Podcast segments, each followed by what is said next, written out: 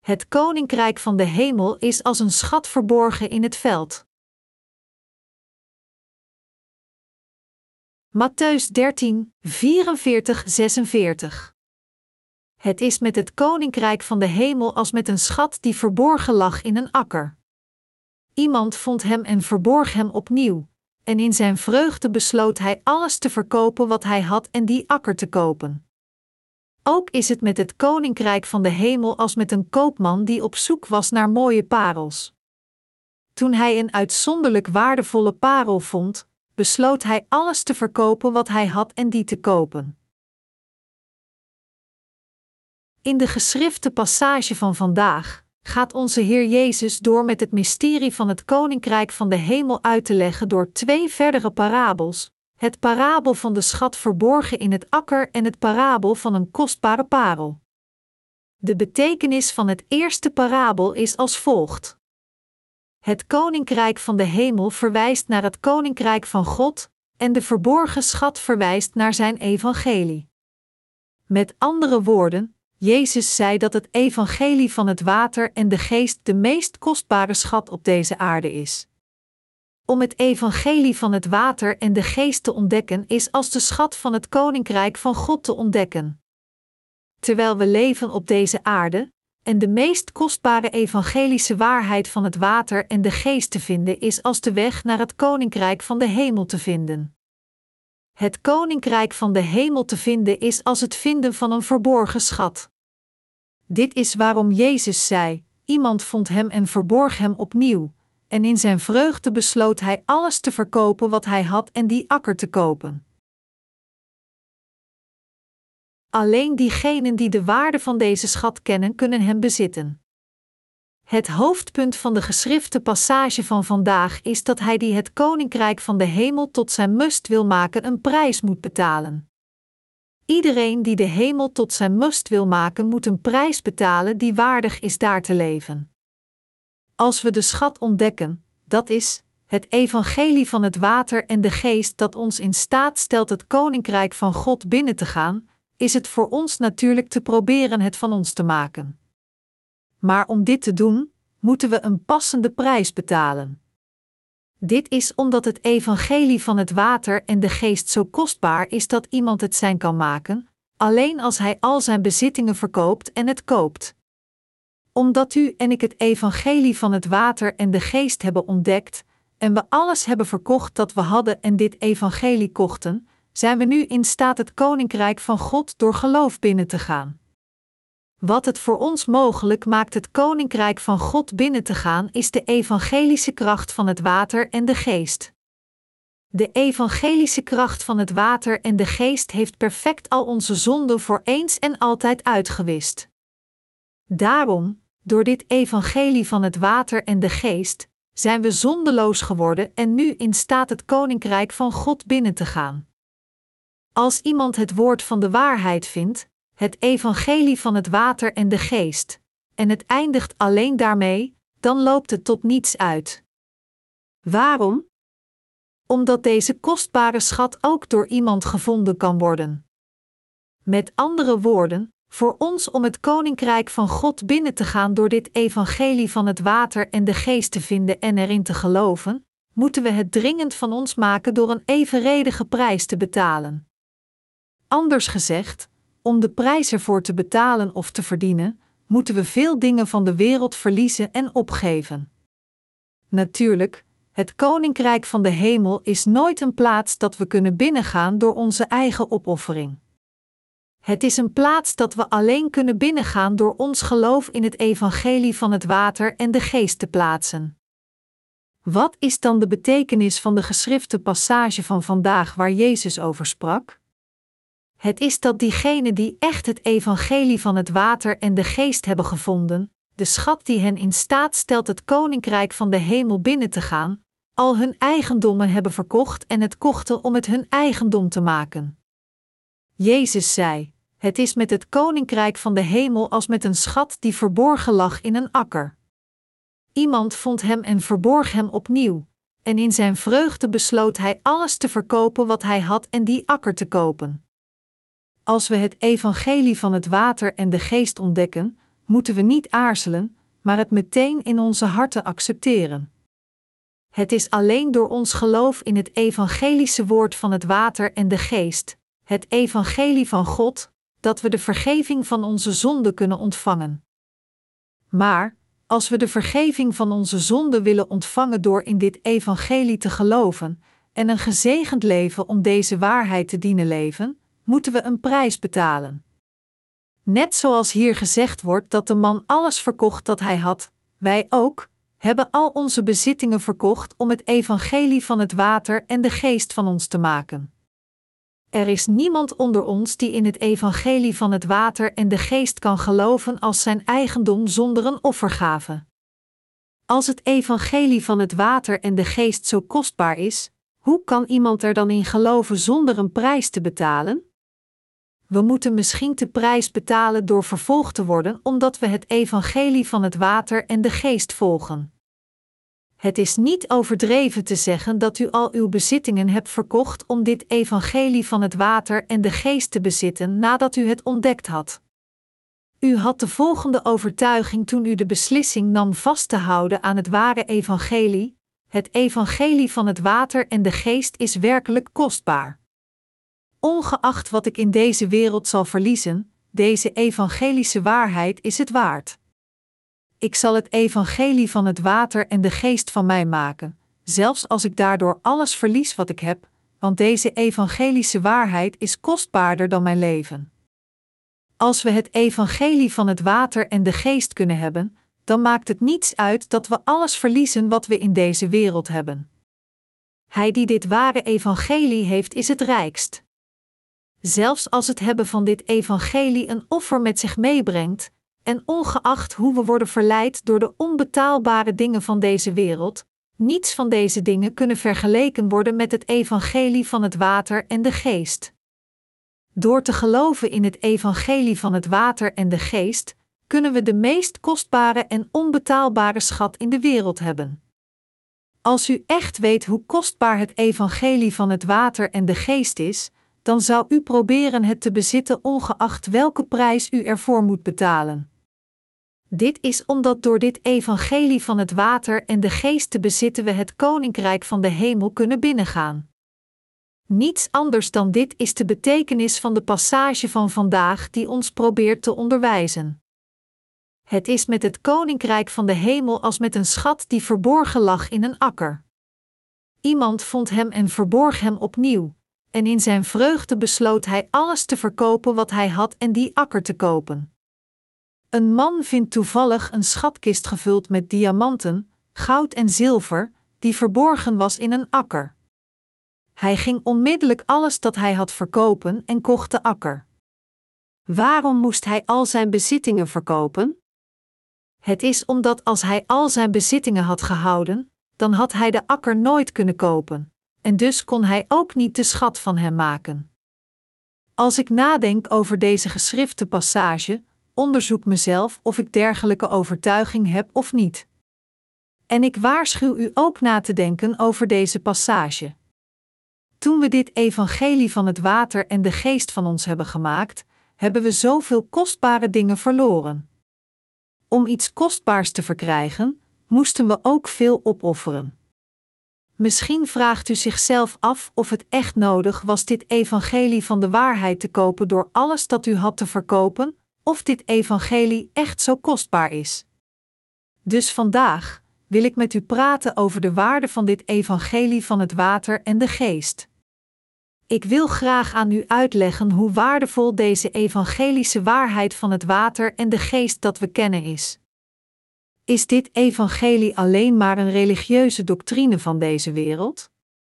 Of is het waardig om te kopen, zelfs als dit betekent dat ik alles verlies, van mijn huis tot mijn rijkdom, mijn ouders, mijn vrouw, mijn kinderen en zelfs mijn leven? Hier zou ik graag over willen spreken tegen mijzelf en tegen u. Dit evangelie van het water en de geest is de evangelische waarheid dat ons in staat stelt het koninkrijk van de hemel binnen te gaan. Het evangelie van het water en de geest is de waarheid van zaligmaking voor alle zondaars. Het is de waarheid dat het voor ons mogelijk maakt te worden gered van al onze zonden.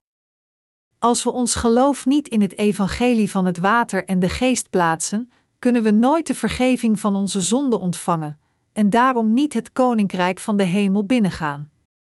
Als onze Heer zegt dat Hij onze deur is, en dat wie dan ook ergens anders binnenkomt los van deze deur een dief en een rover is, als iemand beweert dat we het koninkrijk van God binnen kunnen gaan zonder in het evangelie van het water en de geest te geloven, is een rover.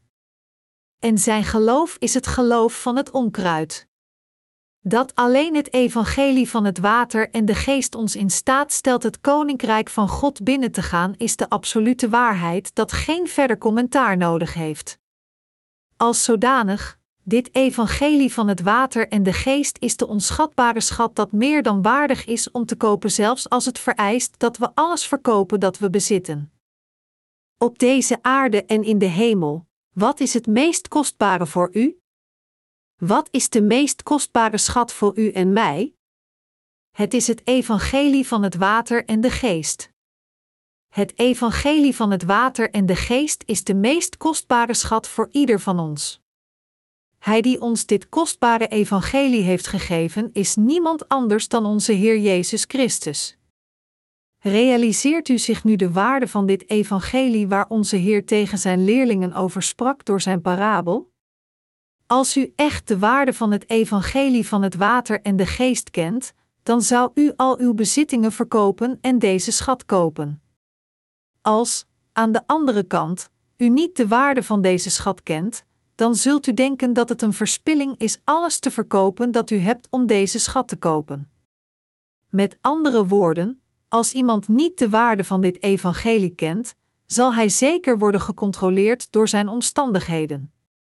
Als iemand denkt dat zijn bezittingen waardevoller zijn dan het evangelie van het water en de geest, dan is hij iemand die niet de echte waarde van deze schat kent. Als we niet de waarde van het evangelie van het water en de geest kennen, kunnen we het makkelijk weggooien. Mijn medegelovigen, wij, als de gelovigen in het evangelie van het water en de geest, kunnen niet de vergeving van onze zonden ontvangen zonder kosten. Voor ons is het evangelie van het water en de geest duidelijk onze schat en de echte waarheid. Dit evangelie is een fantastische schat voor ons. Het is zo'n onbetaalbare schat dat we niet in staat zijn het te kopen, zelfs als we alles op deze wereld zouden verkopen. Dus dit evangelie is een fantastische schat, maar diegenen die niet zijn waarde kennen, willen het niet kopen. De werkelijkheid is dat zij eigenlijk dankbaar moeten zijn als zij het zouden kunnen kopen door al hun bezittingen te verkopen. Sommige mensen, zelfs als zij het evangelie van het water en de geest kennen, kijken er alleen na en kopen het niet om het hun eigendom te maken. Dergelijke mensen kennen alleen het evangelie van het water en de geest en zijn niet gered van hun zonden. Als we dit evangelie van het water en de geest alleen kunnen kopen, zelfs als we alles dat we hebben moeten verkopen, is het nog steeds een goudmijn voor ons. Er is niets in deze wereld dat zo waardevol is als het evangelie van het water en de geest. Ik waarschuw u hardop met heel mijn hart, geloof in dit evangelie van het water en de geest dat u in staat stelt het koninkrijk van de hemel binnen te gaan. Geloof erin ongeacht welke prijs van opoffering u moet betalen, hou vast aan dit evangelie.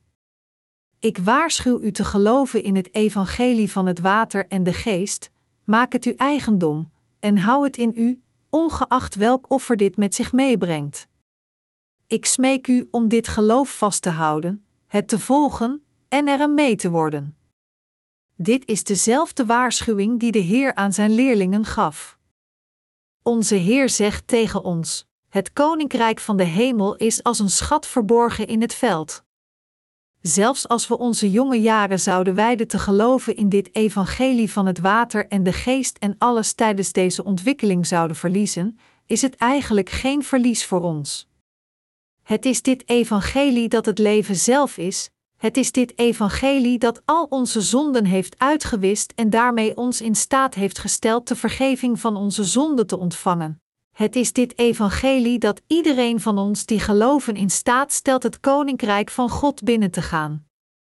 Dit is waarom ik u durf te vertellen alles te verkopen dat u hebt en dit evangelie van het water en de geest te kopen, want het is zo kostbaar. Ik zeg dit tegen u omdat ik de eeuwige waarde van dit evangelie ken. Als u de waarde van dit evangelie van het water en de geest kent, dan zou u in staat zijn erin te geloven en het te volgen, zelfs als het van u eist dat u al uw bezittingen verkoopt. Maar als u zijn waarde niet herkent, dan zou u niet alles verkopen dat u hebt om het te kopen. Dus uiteindelijk wordt u niet gered, maar verliest u wat het meest kostbaar is. Zelfs in de kerk, als we kijken vanuit deze hoek, zijn er diegenen die dit kostbare evangelie onwillig volgen. Zij zijn diegenen die al hun bezittingen die zij hebben houden, en alleen staren naar het evangelie vanuit de verte. Ik zeg hier niet dat u werkelijk al uw bezittingen moet verkopen, nee, absoluut niet. Wat is de waarde van onze miserige individuele rijkdom? Zou het uitlopen op een miljoen dollar als we al onze bezittingen zouden verkopen? Zou het uitlopen op 10 miljoen dollar? Vergeleken met het koninkrijk van God zijn onze bezittingen een druppel op een hete plaat. Raak niet gealarmeerd door wat ik hier zeg. Bezorg dat ik tegen u zeg dat u al uw bezittingen moet verkopen en het geld naar mij moet brengen. Ik heb absoluut geen verborgen motieven, alsof ik uw bezittingen zou begeren. Wat u hebt, is kostbaar voor u, maar in het grote geheel beschouw ik het te klein om zelfs een maaltijd voor de rechtvaardigen van de wereld te betalen. Als we alle rechtvaardige mensen over de hele wereld samenbrachten en een feest voor hen zouden houden in een van de deftigste restaurants, voor de reservering alleen al, zouden we een miljoen dollar moeten neertellen, als het niet meer is. Onze materiële bezittingen zijn niet waardevol genoeg. Maar het evangelie is anders. De waarde van het evangelie is letterlijk onbetaalbaar, maar diegenen die niet de waarde kennen kopen het niet. Dergelijke mensen beschouwen iets anders dat zij hebben waardevoller dan de evangelische waarheid, en daarom kunnen zij hun eigen bezittingen niet loslaten en in plaats daarvan volgen ze hen. Om over deze zaken op dit uur te moeten spreken is beschamend, en het is absoluut niet fijn voor mij. Zoals onze Heer zegt: geef wat heilig is niet aan de honden en gooi je parels niet voor de zwijnen. Matthäus 7, 6. Als het op mijn manier kon, dan zou ik niet over dergelijke mensen praten. Ik zou willen dat ik deze passage alleen aan u kon uitleggen, alleen kon praten over diegenen die het evangelie volgen, en mijn preek hier kon eindigen. Maar er zijn mensen die zelfs na hun ontmoeting met het evangelie van het water en de geest zich afvragen: moet ik dit volgen of niet? Moet ik erin geloven of niet? Moet ik mij ermee verenigen of niet? Zij berekenen constant de kosten en het voordeel om dit te doen, en blijven in hun aarzeling hangen, eindeloos hun mogelijkheden afwegend. Als ik dergelijke mensen zie, dan vind ik het spijtig dat dit evangelie aan hen werd gegeven. Ik heb het gevoel het evangelie van hen weg te rukken en hen te vertellen te stoppen. In Korea zijn er veel mensen die niet de waarde van het evangelie van het water en de geest kennen. Dit is waarom we hebben beslist tijdelijk de verspreiding van het evangelie te stoppen. Sinds de mensen opscheppen over geld, alsof zij ons een plezier doen door te geloven, hebben we beslist te stoppen. Tenzij iemand al zijn bezittingen verkoopt en zijn hele leven wijdt aan het kopen van dit ware evangelie van het water en de geest, kan hij het nooit zijn eigen maken. Maar ik geloof dat over de hele wereld er velen zijn die hun leven op dit evangelie verwedden. Dit is waarom we proberen de hele wereld te evangeliseren. Ik ben zeker dat er nog steeds ontelbare zielen zijn die het ware evangelie zouden kopen, zelfs als dit vereist dat zij alles dat zij hebben verkopen en de prijs betalen, als zij absoluut konden geloven en het koninkrijk van God konden binnengaan, als zij de vergeving van zonde konden ontvangen, als zij het leven van de rechtvaardige konden leven, en als zij zich konden verenigen met de Heer en met Hem kunnen leven. Natuurlijk, prediken wij overtuigend het evangelie van het water en de geest over de hele wereld sinds dit zijn grote opdracht is, maar het is ook waar dat wij gemotiveerd zijn dit te doen omdat wij geloven dat er veel meer onschuldige zielen over de wereld zijn. We hoeven iemand die niet de waarde van dit evangelie kent te dwingen om erin te geloven, maar het is veel beter voor ons dit evangelie aan diegenen te geven die feitelijk erna op zoek zijn. Hoe waardevol is het evangelie van het water en de geest? Het is als een schat in het koninkrijk van de hemel. Laat ons hier aannemen dat er een kist is waar een kroon gemaakt van diamanten in ligt en een jurk versierd met allerlei soorten van kostbare stenen.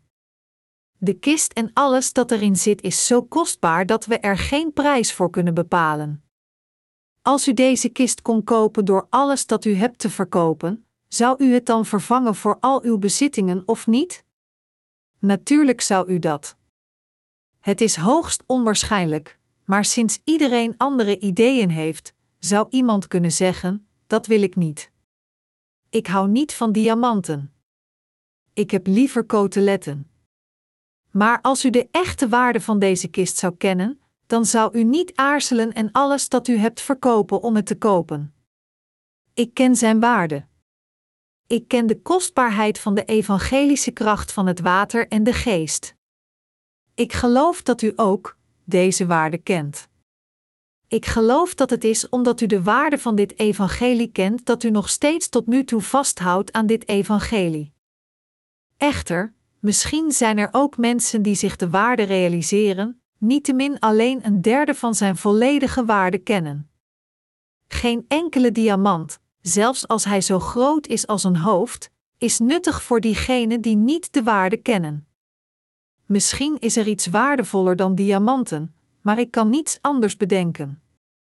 In ieder geval, als we veronderstellen dat er niets waardevoller is dan diamanten, hoe blij zouden we zijn als we ze konden hebben?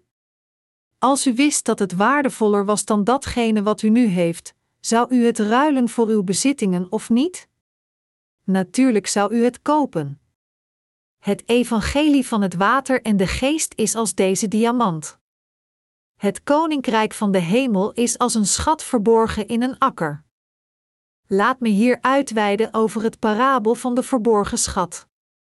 Veronderstel dat een man op het veld kwam, en met welke reden dan ook, begint hij te graven in de hoek en vindt een houten kist. Hij is verbaasd: is dit een doodskist? Maar het leek niet op een doodskist, omdat er een slot op zit.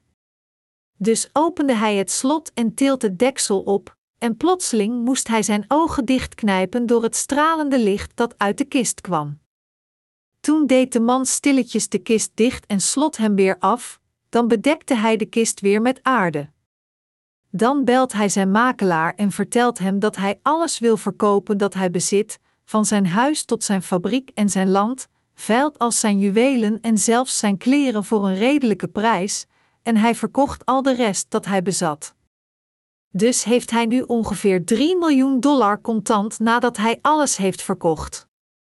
Hij nam zijn geld en ging naar de eigenaar van het veld. En zo begon de onderhandeling: Bent u de eigenaar van dit veld? Ja, dan ben ik. Ik wil graag een huisje op dat stuk land bouwen. Zou u dit veld aan mij willen verkopen? Ik zal, natuurlijk, een prijs maken die correspondeert met de waarde.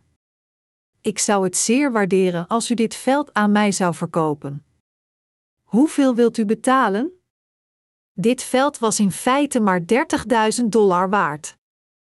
Maar de man was zo slecht in het onderhandelen dat hij meteen 1 miljoen dollar bood, terwijl hij als eerste 30.000 dollar had moeten bieden of 25.000 dollar. Zou de eigenaar van dit land niet geschokt zijn door dit onverwachte en zonderlinge bod? Dus dacht hij er zorgvuldig over na, en iets leek hem niet juist. Er moet iets zeer waardevols zijn in dit land. Misschien een goudmijn? Ik wil niet verkopen. Dit land heb ik meegekregen van mijn voorvaderen, en dus moeten mijn afstammelingen het ook erven. Nou, dan zal ik u anderhalf miljoen dollar betalen. Toen dacht de landeigenaar, Maar dit land is maar 30.000 dollar waard, waarom biedt deze kerel mij er anderhalf miljoen voor? Hij heeft zijn verstand verloren. Zou ik het verkopen? Nee, wacht. Hij wil hals over kop dit veld kopen. Ik moet proberen de prijs wat op te drijven. Hebt u echt zoveel geld? De man ging naar zijn auto, bracht een koffer mee en legde die voor de eigenaar. Toen de landeigenaar de koffer van 1 miljoen dollar zag, dacht hij: Ik geloof dat hij het geld heeft. Dus hij bood mij anderhalf miljoen. Maar ik moet nog wat meer bluffen en zien hoe het gaat. Nee, dank je. Ik verkoop niet. Ik zal u 1 miljoen 700.000 dollar betalen. Nee. Ik verkoop het land niet zelfs al biedt u 10 miljoen dollar. Waarom, vraagt u? Omdat dit land aan mij werd gegeven door mijn voorvaders, en ik zal ervoor zorgen dat het generatie na generatie wordt doorgegeven. Mijn voorvaders vertelden mij het nooit te verkopen, en dus zal ik het nooit verkopen. Een man moet het vertrouwen houden. Ik moet me aan de laatste woorden van mijn voorvaders houden. Het feit dat de man niet twijfelde zoveel geld voor het land te bieden, dacht de eigenaar dat hij de prijs kon laten stijgen door te bluffen. Wat vindt u dan van 2 miljoen dollar? Nee, dat is niet genoeg. Hoeveel moet ik u geven zodat u het veld verkoopt? Als u mij 3 miljoen biedt, dan zal ik het verkopen. U bent net een waarzegger. Hoe wist u dat ik 3 miljoen had? Mijn bezit is precies 3 miljoen waard en geen cent meer of minder. Oké, het is een deal. Ik zal u 3 miljoen contant met nog twee extra koffers betalen. Dus betaalde hij het geld en kocht het veld dezelfde dag. In ruil voor alles dat hij bezat, had hij eindelijk het veld in handen. Hij was zo blij, want het veld was het meer dan waard. Het was het waard al zijn bezittingen te verkopen om het veld te kopen. Het evangelie van het water en de geest is onbeschrijfelijk waardevol. Het is het waard zelfs als we onze levens daardoor zouden verliezen. Het was allemaal de moeite waard zelfs als we onszelf aan de slavernij moesten verkopen. U hebt waarschijnlijk over het martelaarschap van de vroege kerkperiode gehoord. Veel van de vroege kerkgelovigen omarmden vrijwillig hun martelaarschap om hun geloof in het ware evangelie te houden. Sommige van hen gaven met plezier hun edele status op om zelfs de slaven van hun kennissen te worden om hun kostbare geloof te verdedigen. Dit is de maatstaf van het evangelie van het water en de geest. Hoe waardevol is het evangelie van het water en de geest dat u en ik hebben gehoord?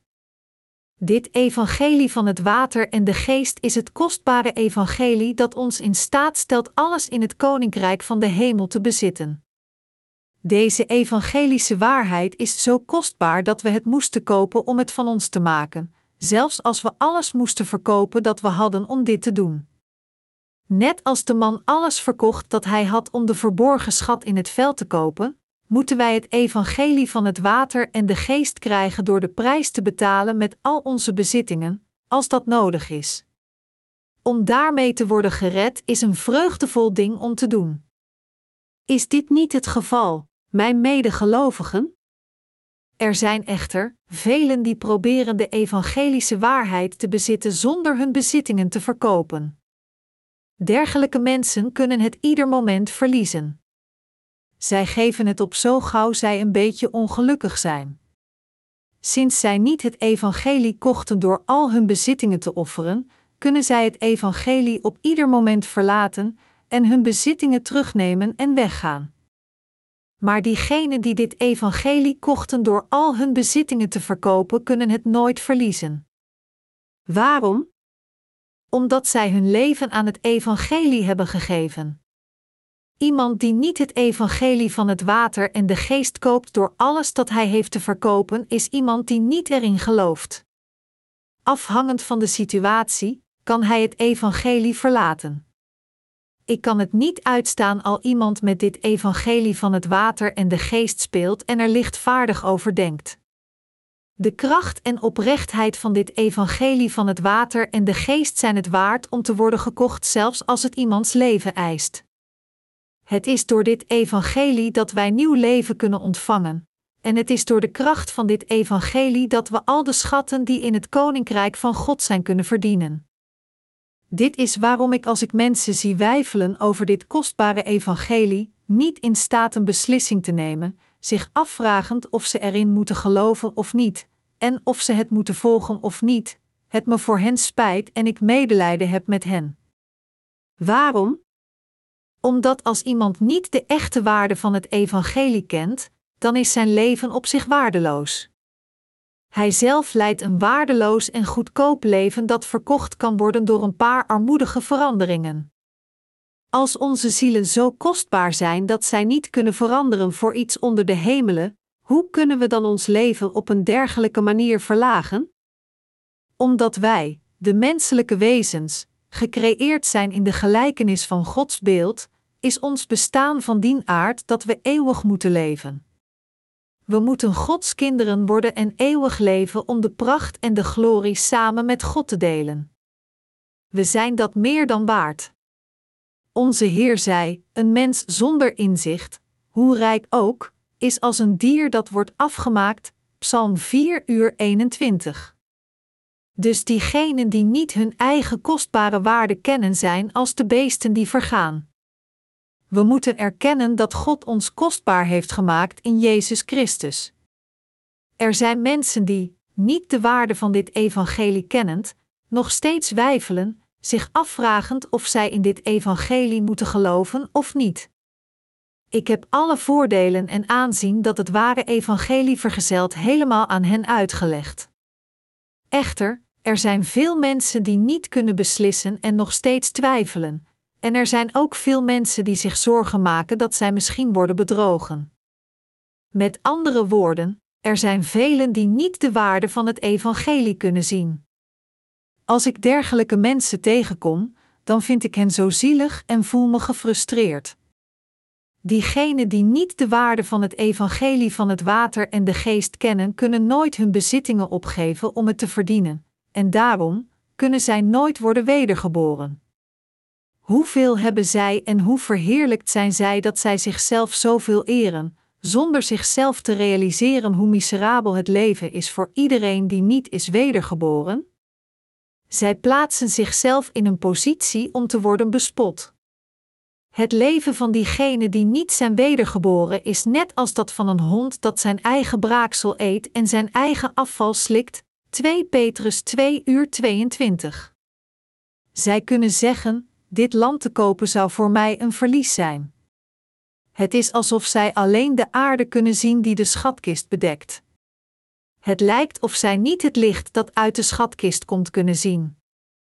Dergelijke mensen lijken geen idee te hebben over hoe kostbaar het evangelie van het water en de geest is. Aan de andere kant zijn er ook diegenen die heel goed weten hoe kostbaar de schatkist is en zich standvastig eraan vasthouden. Hij die het kostbare veld kocht door alles op te geven, controleert deze kist iedere dag en houdt eraan vast. Er zijn anderen die dit veld nog steeds niet hebben gekocht, maar niettemin nog steeds aan het onderhandelen zijn met de eigenaar: ik zal dit land vroeger of later kopen. Dus, verkoop het niet aan iemand anders. Waarom zou u het aan iemand anders verkopen, als u weet dat ik het zal kopen? Dus de eigenaar zegt: als u alles verkoopt dat u hebt en de opbrengst aan mij geeft, dat zal ik het aan u verkopen. Maar zij antwoorden alleen: Maar ik vertel u dat ik het zal kopen. Het is niet zo dat ik het niet zal kopen, maar het is alleen een vraag wanneer. Ik kan het nu niet kopen, nog niet. Dit is zo frustrerend. Ze maken mij gek. Er is geen enkele comedy als dit. Ik voel me belachelijk als ik dergelijke mensen zie. Onze Heer zei dat het koninkrijk van de hemel als een schatkist verborgen in de akker is. Een man vond dit en verkocht alles dat hij had om dit veld te kopen. Om datgene wat kostbaar is van ons te maken, moeten we de prijs betalen. Met heel onze harten, al onze kracht en ons hele leven moeten we de waarde van wat echt kostbaar is waarderen en erin geloven. We moeten ons realiseren dat het evangelie van het water en de geest ons nieuw leven heeft gebracht, en we moeten hierin geloven. We moeten weten en geloven dat het dit evangelie is dat al onze zonden heeft uitgewist en ons Gods kinderen heeft gemaakt. Echter, zelfs in Gods kerk zijn er diegenen die niet geloven in dit kostbare evangelie. Mijn medegelovigen, is het evangelie van het water en de geest als ieder ander evangelie? Iedere keer als de valse evangelieprekers hun mond open doen, leggen zij de nadruk op de regionale evangelisatiebeweging. Zij houden zich bezig met activisme, zeggend dat wij naar de mensen moeten gaan en hen christen moeten maken, maar zij doen dit zonder het evangelie van het water en de geest. Dit is waarom zij alleen het onkruid oogsten, de dwepers, in plaats van de ware wedergeboren christenen. Alleen het evangelie van het water en de geest is het ware evangelie. Als mensen alleen geloven in het bloed van Jezus aan het kruis als zij beleiden in Jezus te geloven, is hun geloof het geloof van de dwepers. Zelfs als u alles zou verliezen, als u gelooft in dit kostbare evangelie, zult u veel meer krijgen. En u zult veel meer zegeningen ontvangen. U moet zich dit feit realiseren en de waarde van de evangelische waarheid waarderen als u met heel uw hart hierin gelooft. Gelooft u? Woorden kunnen het niet verder uitdrukken. Het koninkrijk van de hemel is als een koopman die op zoek is naar prachtige parels. De versen 45 en 46 zeggen: Ook is het met het koninkrijk van de hemel als met een koopman die op zoek was naar mooie parels. Toen hij een uitzonderlijk waardevolle parel vond, besloot hij alles te verkopen wat hij had en die te kopen. Onze Heer zei hier dat het koninkrijk van de hemel als een koopman is die zoekt naar prachtige parels. Hij zei dat toen de koopman een parel had gevonden van grote waarde, hij alles verkocht dat hij had en hem kocht. Door de parabel van de verborgen schat in het veld, vertelt onze Heer ons dat we moeten geloven in het evangelie van het water en de geest ongeacht welk offer we moeten brengen. En nu, met de parabel van de kostbare parel, vertelt hij ons dat we ons geloof in het ware evangelie moeten verdedigen ongeacht hoe moeilijk het is. De parel verwijst hier naar het doorzettingsvermogen van geloof. Denk eraan hoe parels worden gemaakt in een oester. Hoe moeilijk is dit proces en hoeveel geduld is er voor nodig? Als een oester gekwetst is, scheidt het een stof af om zichzelf van de kwetsing te genezen, en deze stof verandert uiteindelijk in een parel. Jezus zei dat het koninkrijk van de hemel als een koopman is die mooie parels zoekt.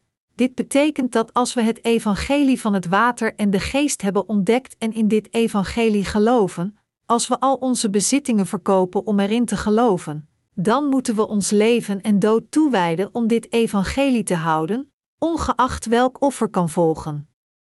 Zelfs als we alles zouden verliezen, met andere woorden, dan zouden we nog steeds dit kostbare evangelie houden, zodat we dat niet zouden verliezen. We zouden iedere prijs betalen om het te houden.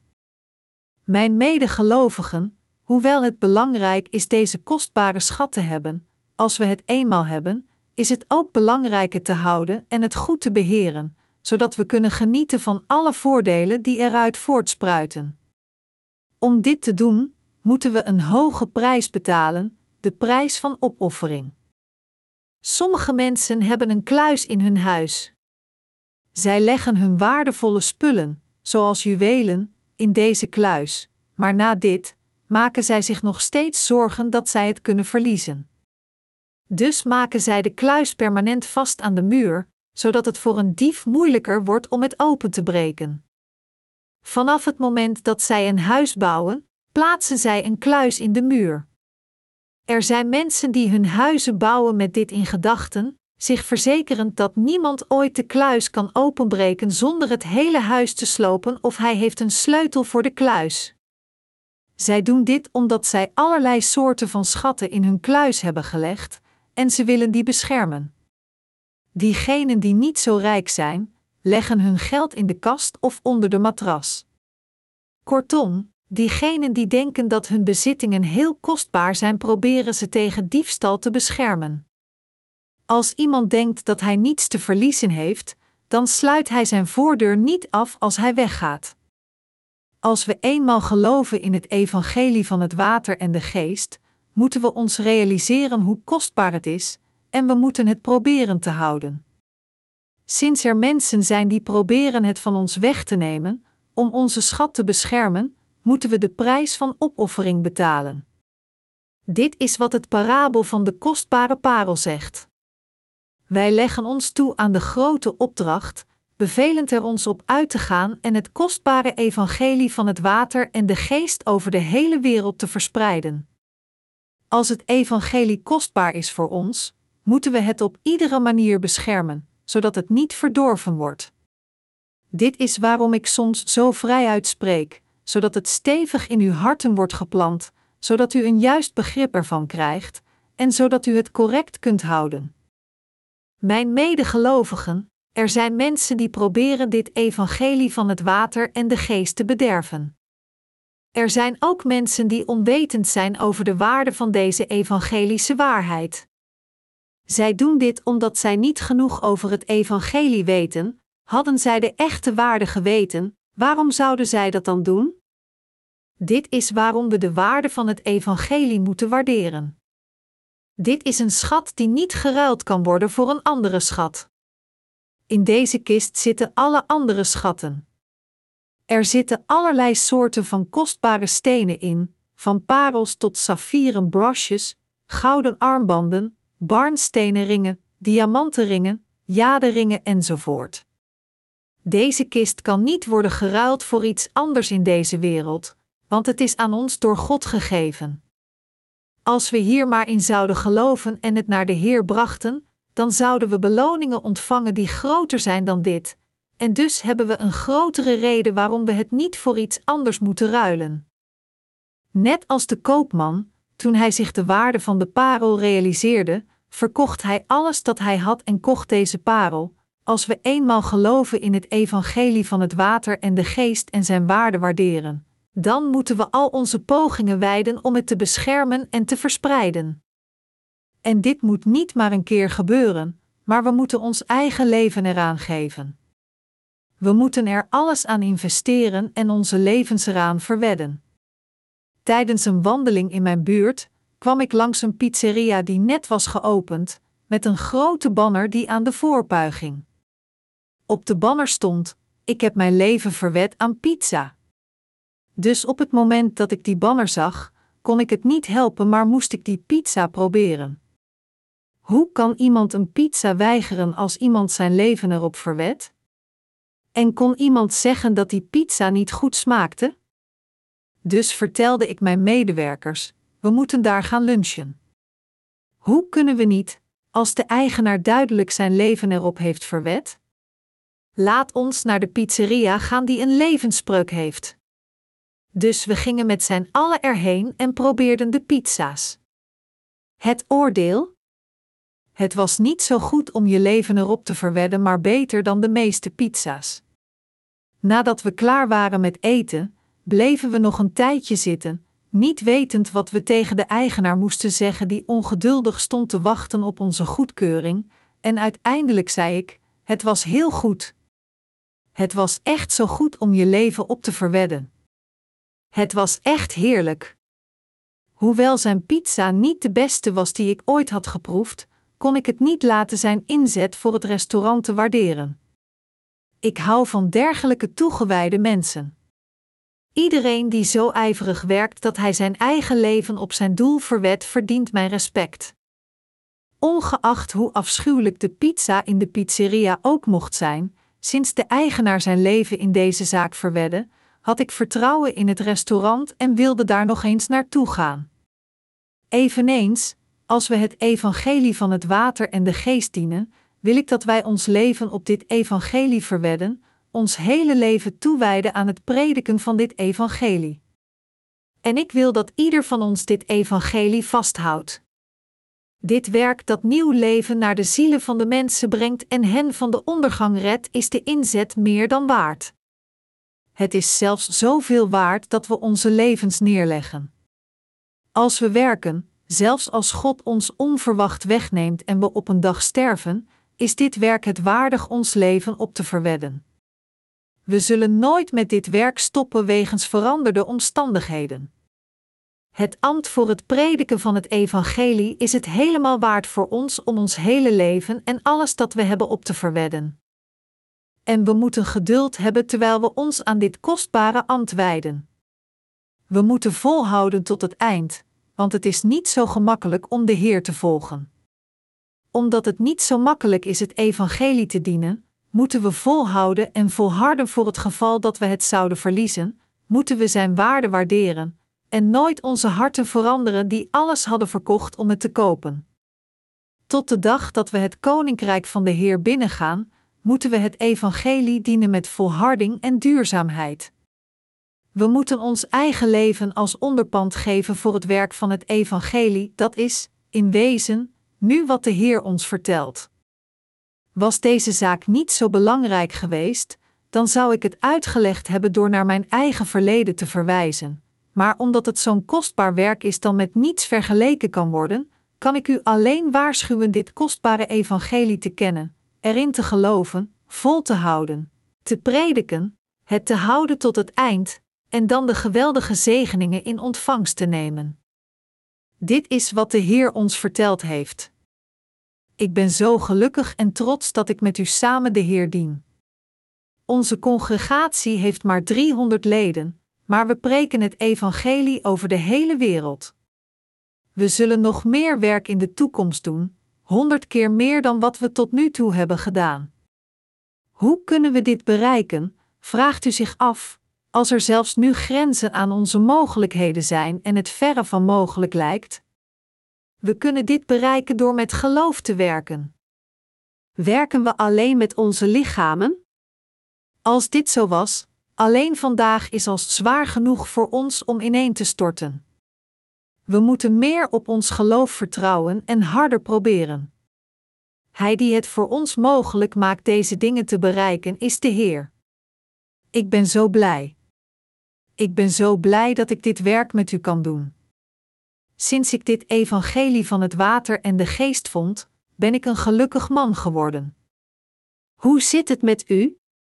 Bent u ook zo gelukkig geworden sinds u het evangelie van het water en de geest heeft gevonden? Toen we voor de eerste keer dit kostbare evangelie ontdekten, dacht u waarschijnlijk dat het niets anders dan een ongeluk was. Het kan toevallig lijken, maar in feite was alles op voorhand gepland. En het is in dit plan dat we de kostbare schat hebben gevonden en het ook van ons maakten. Dit is waarom ik zo gelukkig ben. Hoewel het niet makkelijk is dit evangelie vast te houden, het feit dat ik dit werk kan doen is genoeg om mij gelukkig te maken. Wanneer de ontelbare mensen in deze wereld onzin uitkramen, in plaats van over het evangelie te praten, reageer ik onmiddellijk zo tegen hen: Waar heeft u het over? U praat onzin. Stop met het uitkramen van onzin.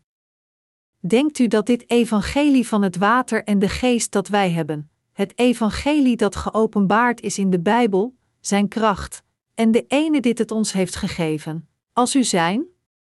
Denkt u dat de waardeloze gedachten voortkomend uit uw nietige hersens kunnen worden vergeleken met het woord van God? Uw IQ is in drie getallen het best, en toch blijft u al deze gekke dingen zeggen. Mijn medegelovigen, als mensen niet over het evangelie van het water en de geest praten, maar over andere soortgelijke evangelies, geven zij ons dan een knauw? Natuurlijk niet. Alleen dwazen uit de dergelijke rare gesprekken. Als ik met mensen praat, praat ik altijd over het woord van God zonder mankeren, en ik praat nooit over mijn eigen gedachtes. In deze wereld zijn er veel pastors en christenen die beleiden in Jezus te geloven. Maar, kunnen zij met ons worden vergeleken? Kunnen onze werkers met deze valse pastors worden vergeleken? Natuurlijk niet. Kunt u vergeleken worden met de dwepers van de wereld? Natuurlijk niet. Het feit dat iemand ons met dergelijke valse christenen durft te vergelijken, die niets meer dan religieuze bastaards zijn, is op zichzelf een belediging aan ons. Het woord bastaard verwijst naar een onechtelijk kind, en dit woord is passend voor de dwepers van de wereld. Als we Genesis 6 lezen, kwamen de bastaardgiganten die werden geboren uit hun ongeëvenaarde ouders, in die tijd en ook daarna nog, zolang de zonen van de goden gemeenschap hadden met de dochters van de mensen en kinderen bij hen kregen, leefden de giganten op aarde. Dat zijn de befaamde helden uit het verre verleden, Genesis 6, 4. Bastaarden moeten onherroepelijk bastaards worden genoemd. Wat kostbaar is, moet onherroepelijk schat worden genoemd. Wij zijn Gods eigen mensen. Wij zijn Gods werkers, van diegenen die de meest kostbare schat in deze wereld hebben, en van diegenen die het schat lijkende geloof hebben. Ik dank God hiervoor. Om waardigheid en trots over onszelf te hebben is, als het vergeleken wordt met dit geloof en deze waarheid die God ons gegeven heeft, zo onbelangrijk. We zijn, in feite, in staat meer naar anderen op te scheppen over onze trots. Maar het is een vanzelfsprekendheid dat we onze trots moeten opgeven en onze hoofden moeten buigen voor dit kostbare evangelie. Gezien dit, wie zou het dan durven ons met diegenen te vergelijken die niet de vergeving van zonden hebben ontvangen en in deze valse evangelies geloven? Wie zou dit ooit kunnen doen? Welke roem, verleiding of schat zou ons kunnen wegnemen van de liefde die wordt gevonden in Christus? Ik geef heel mijn dank aan God.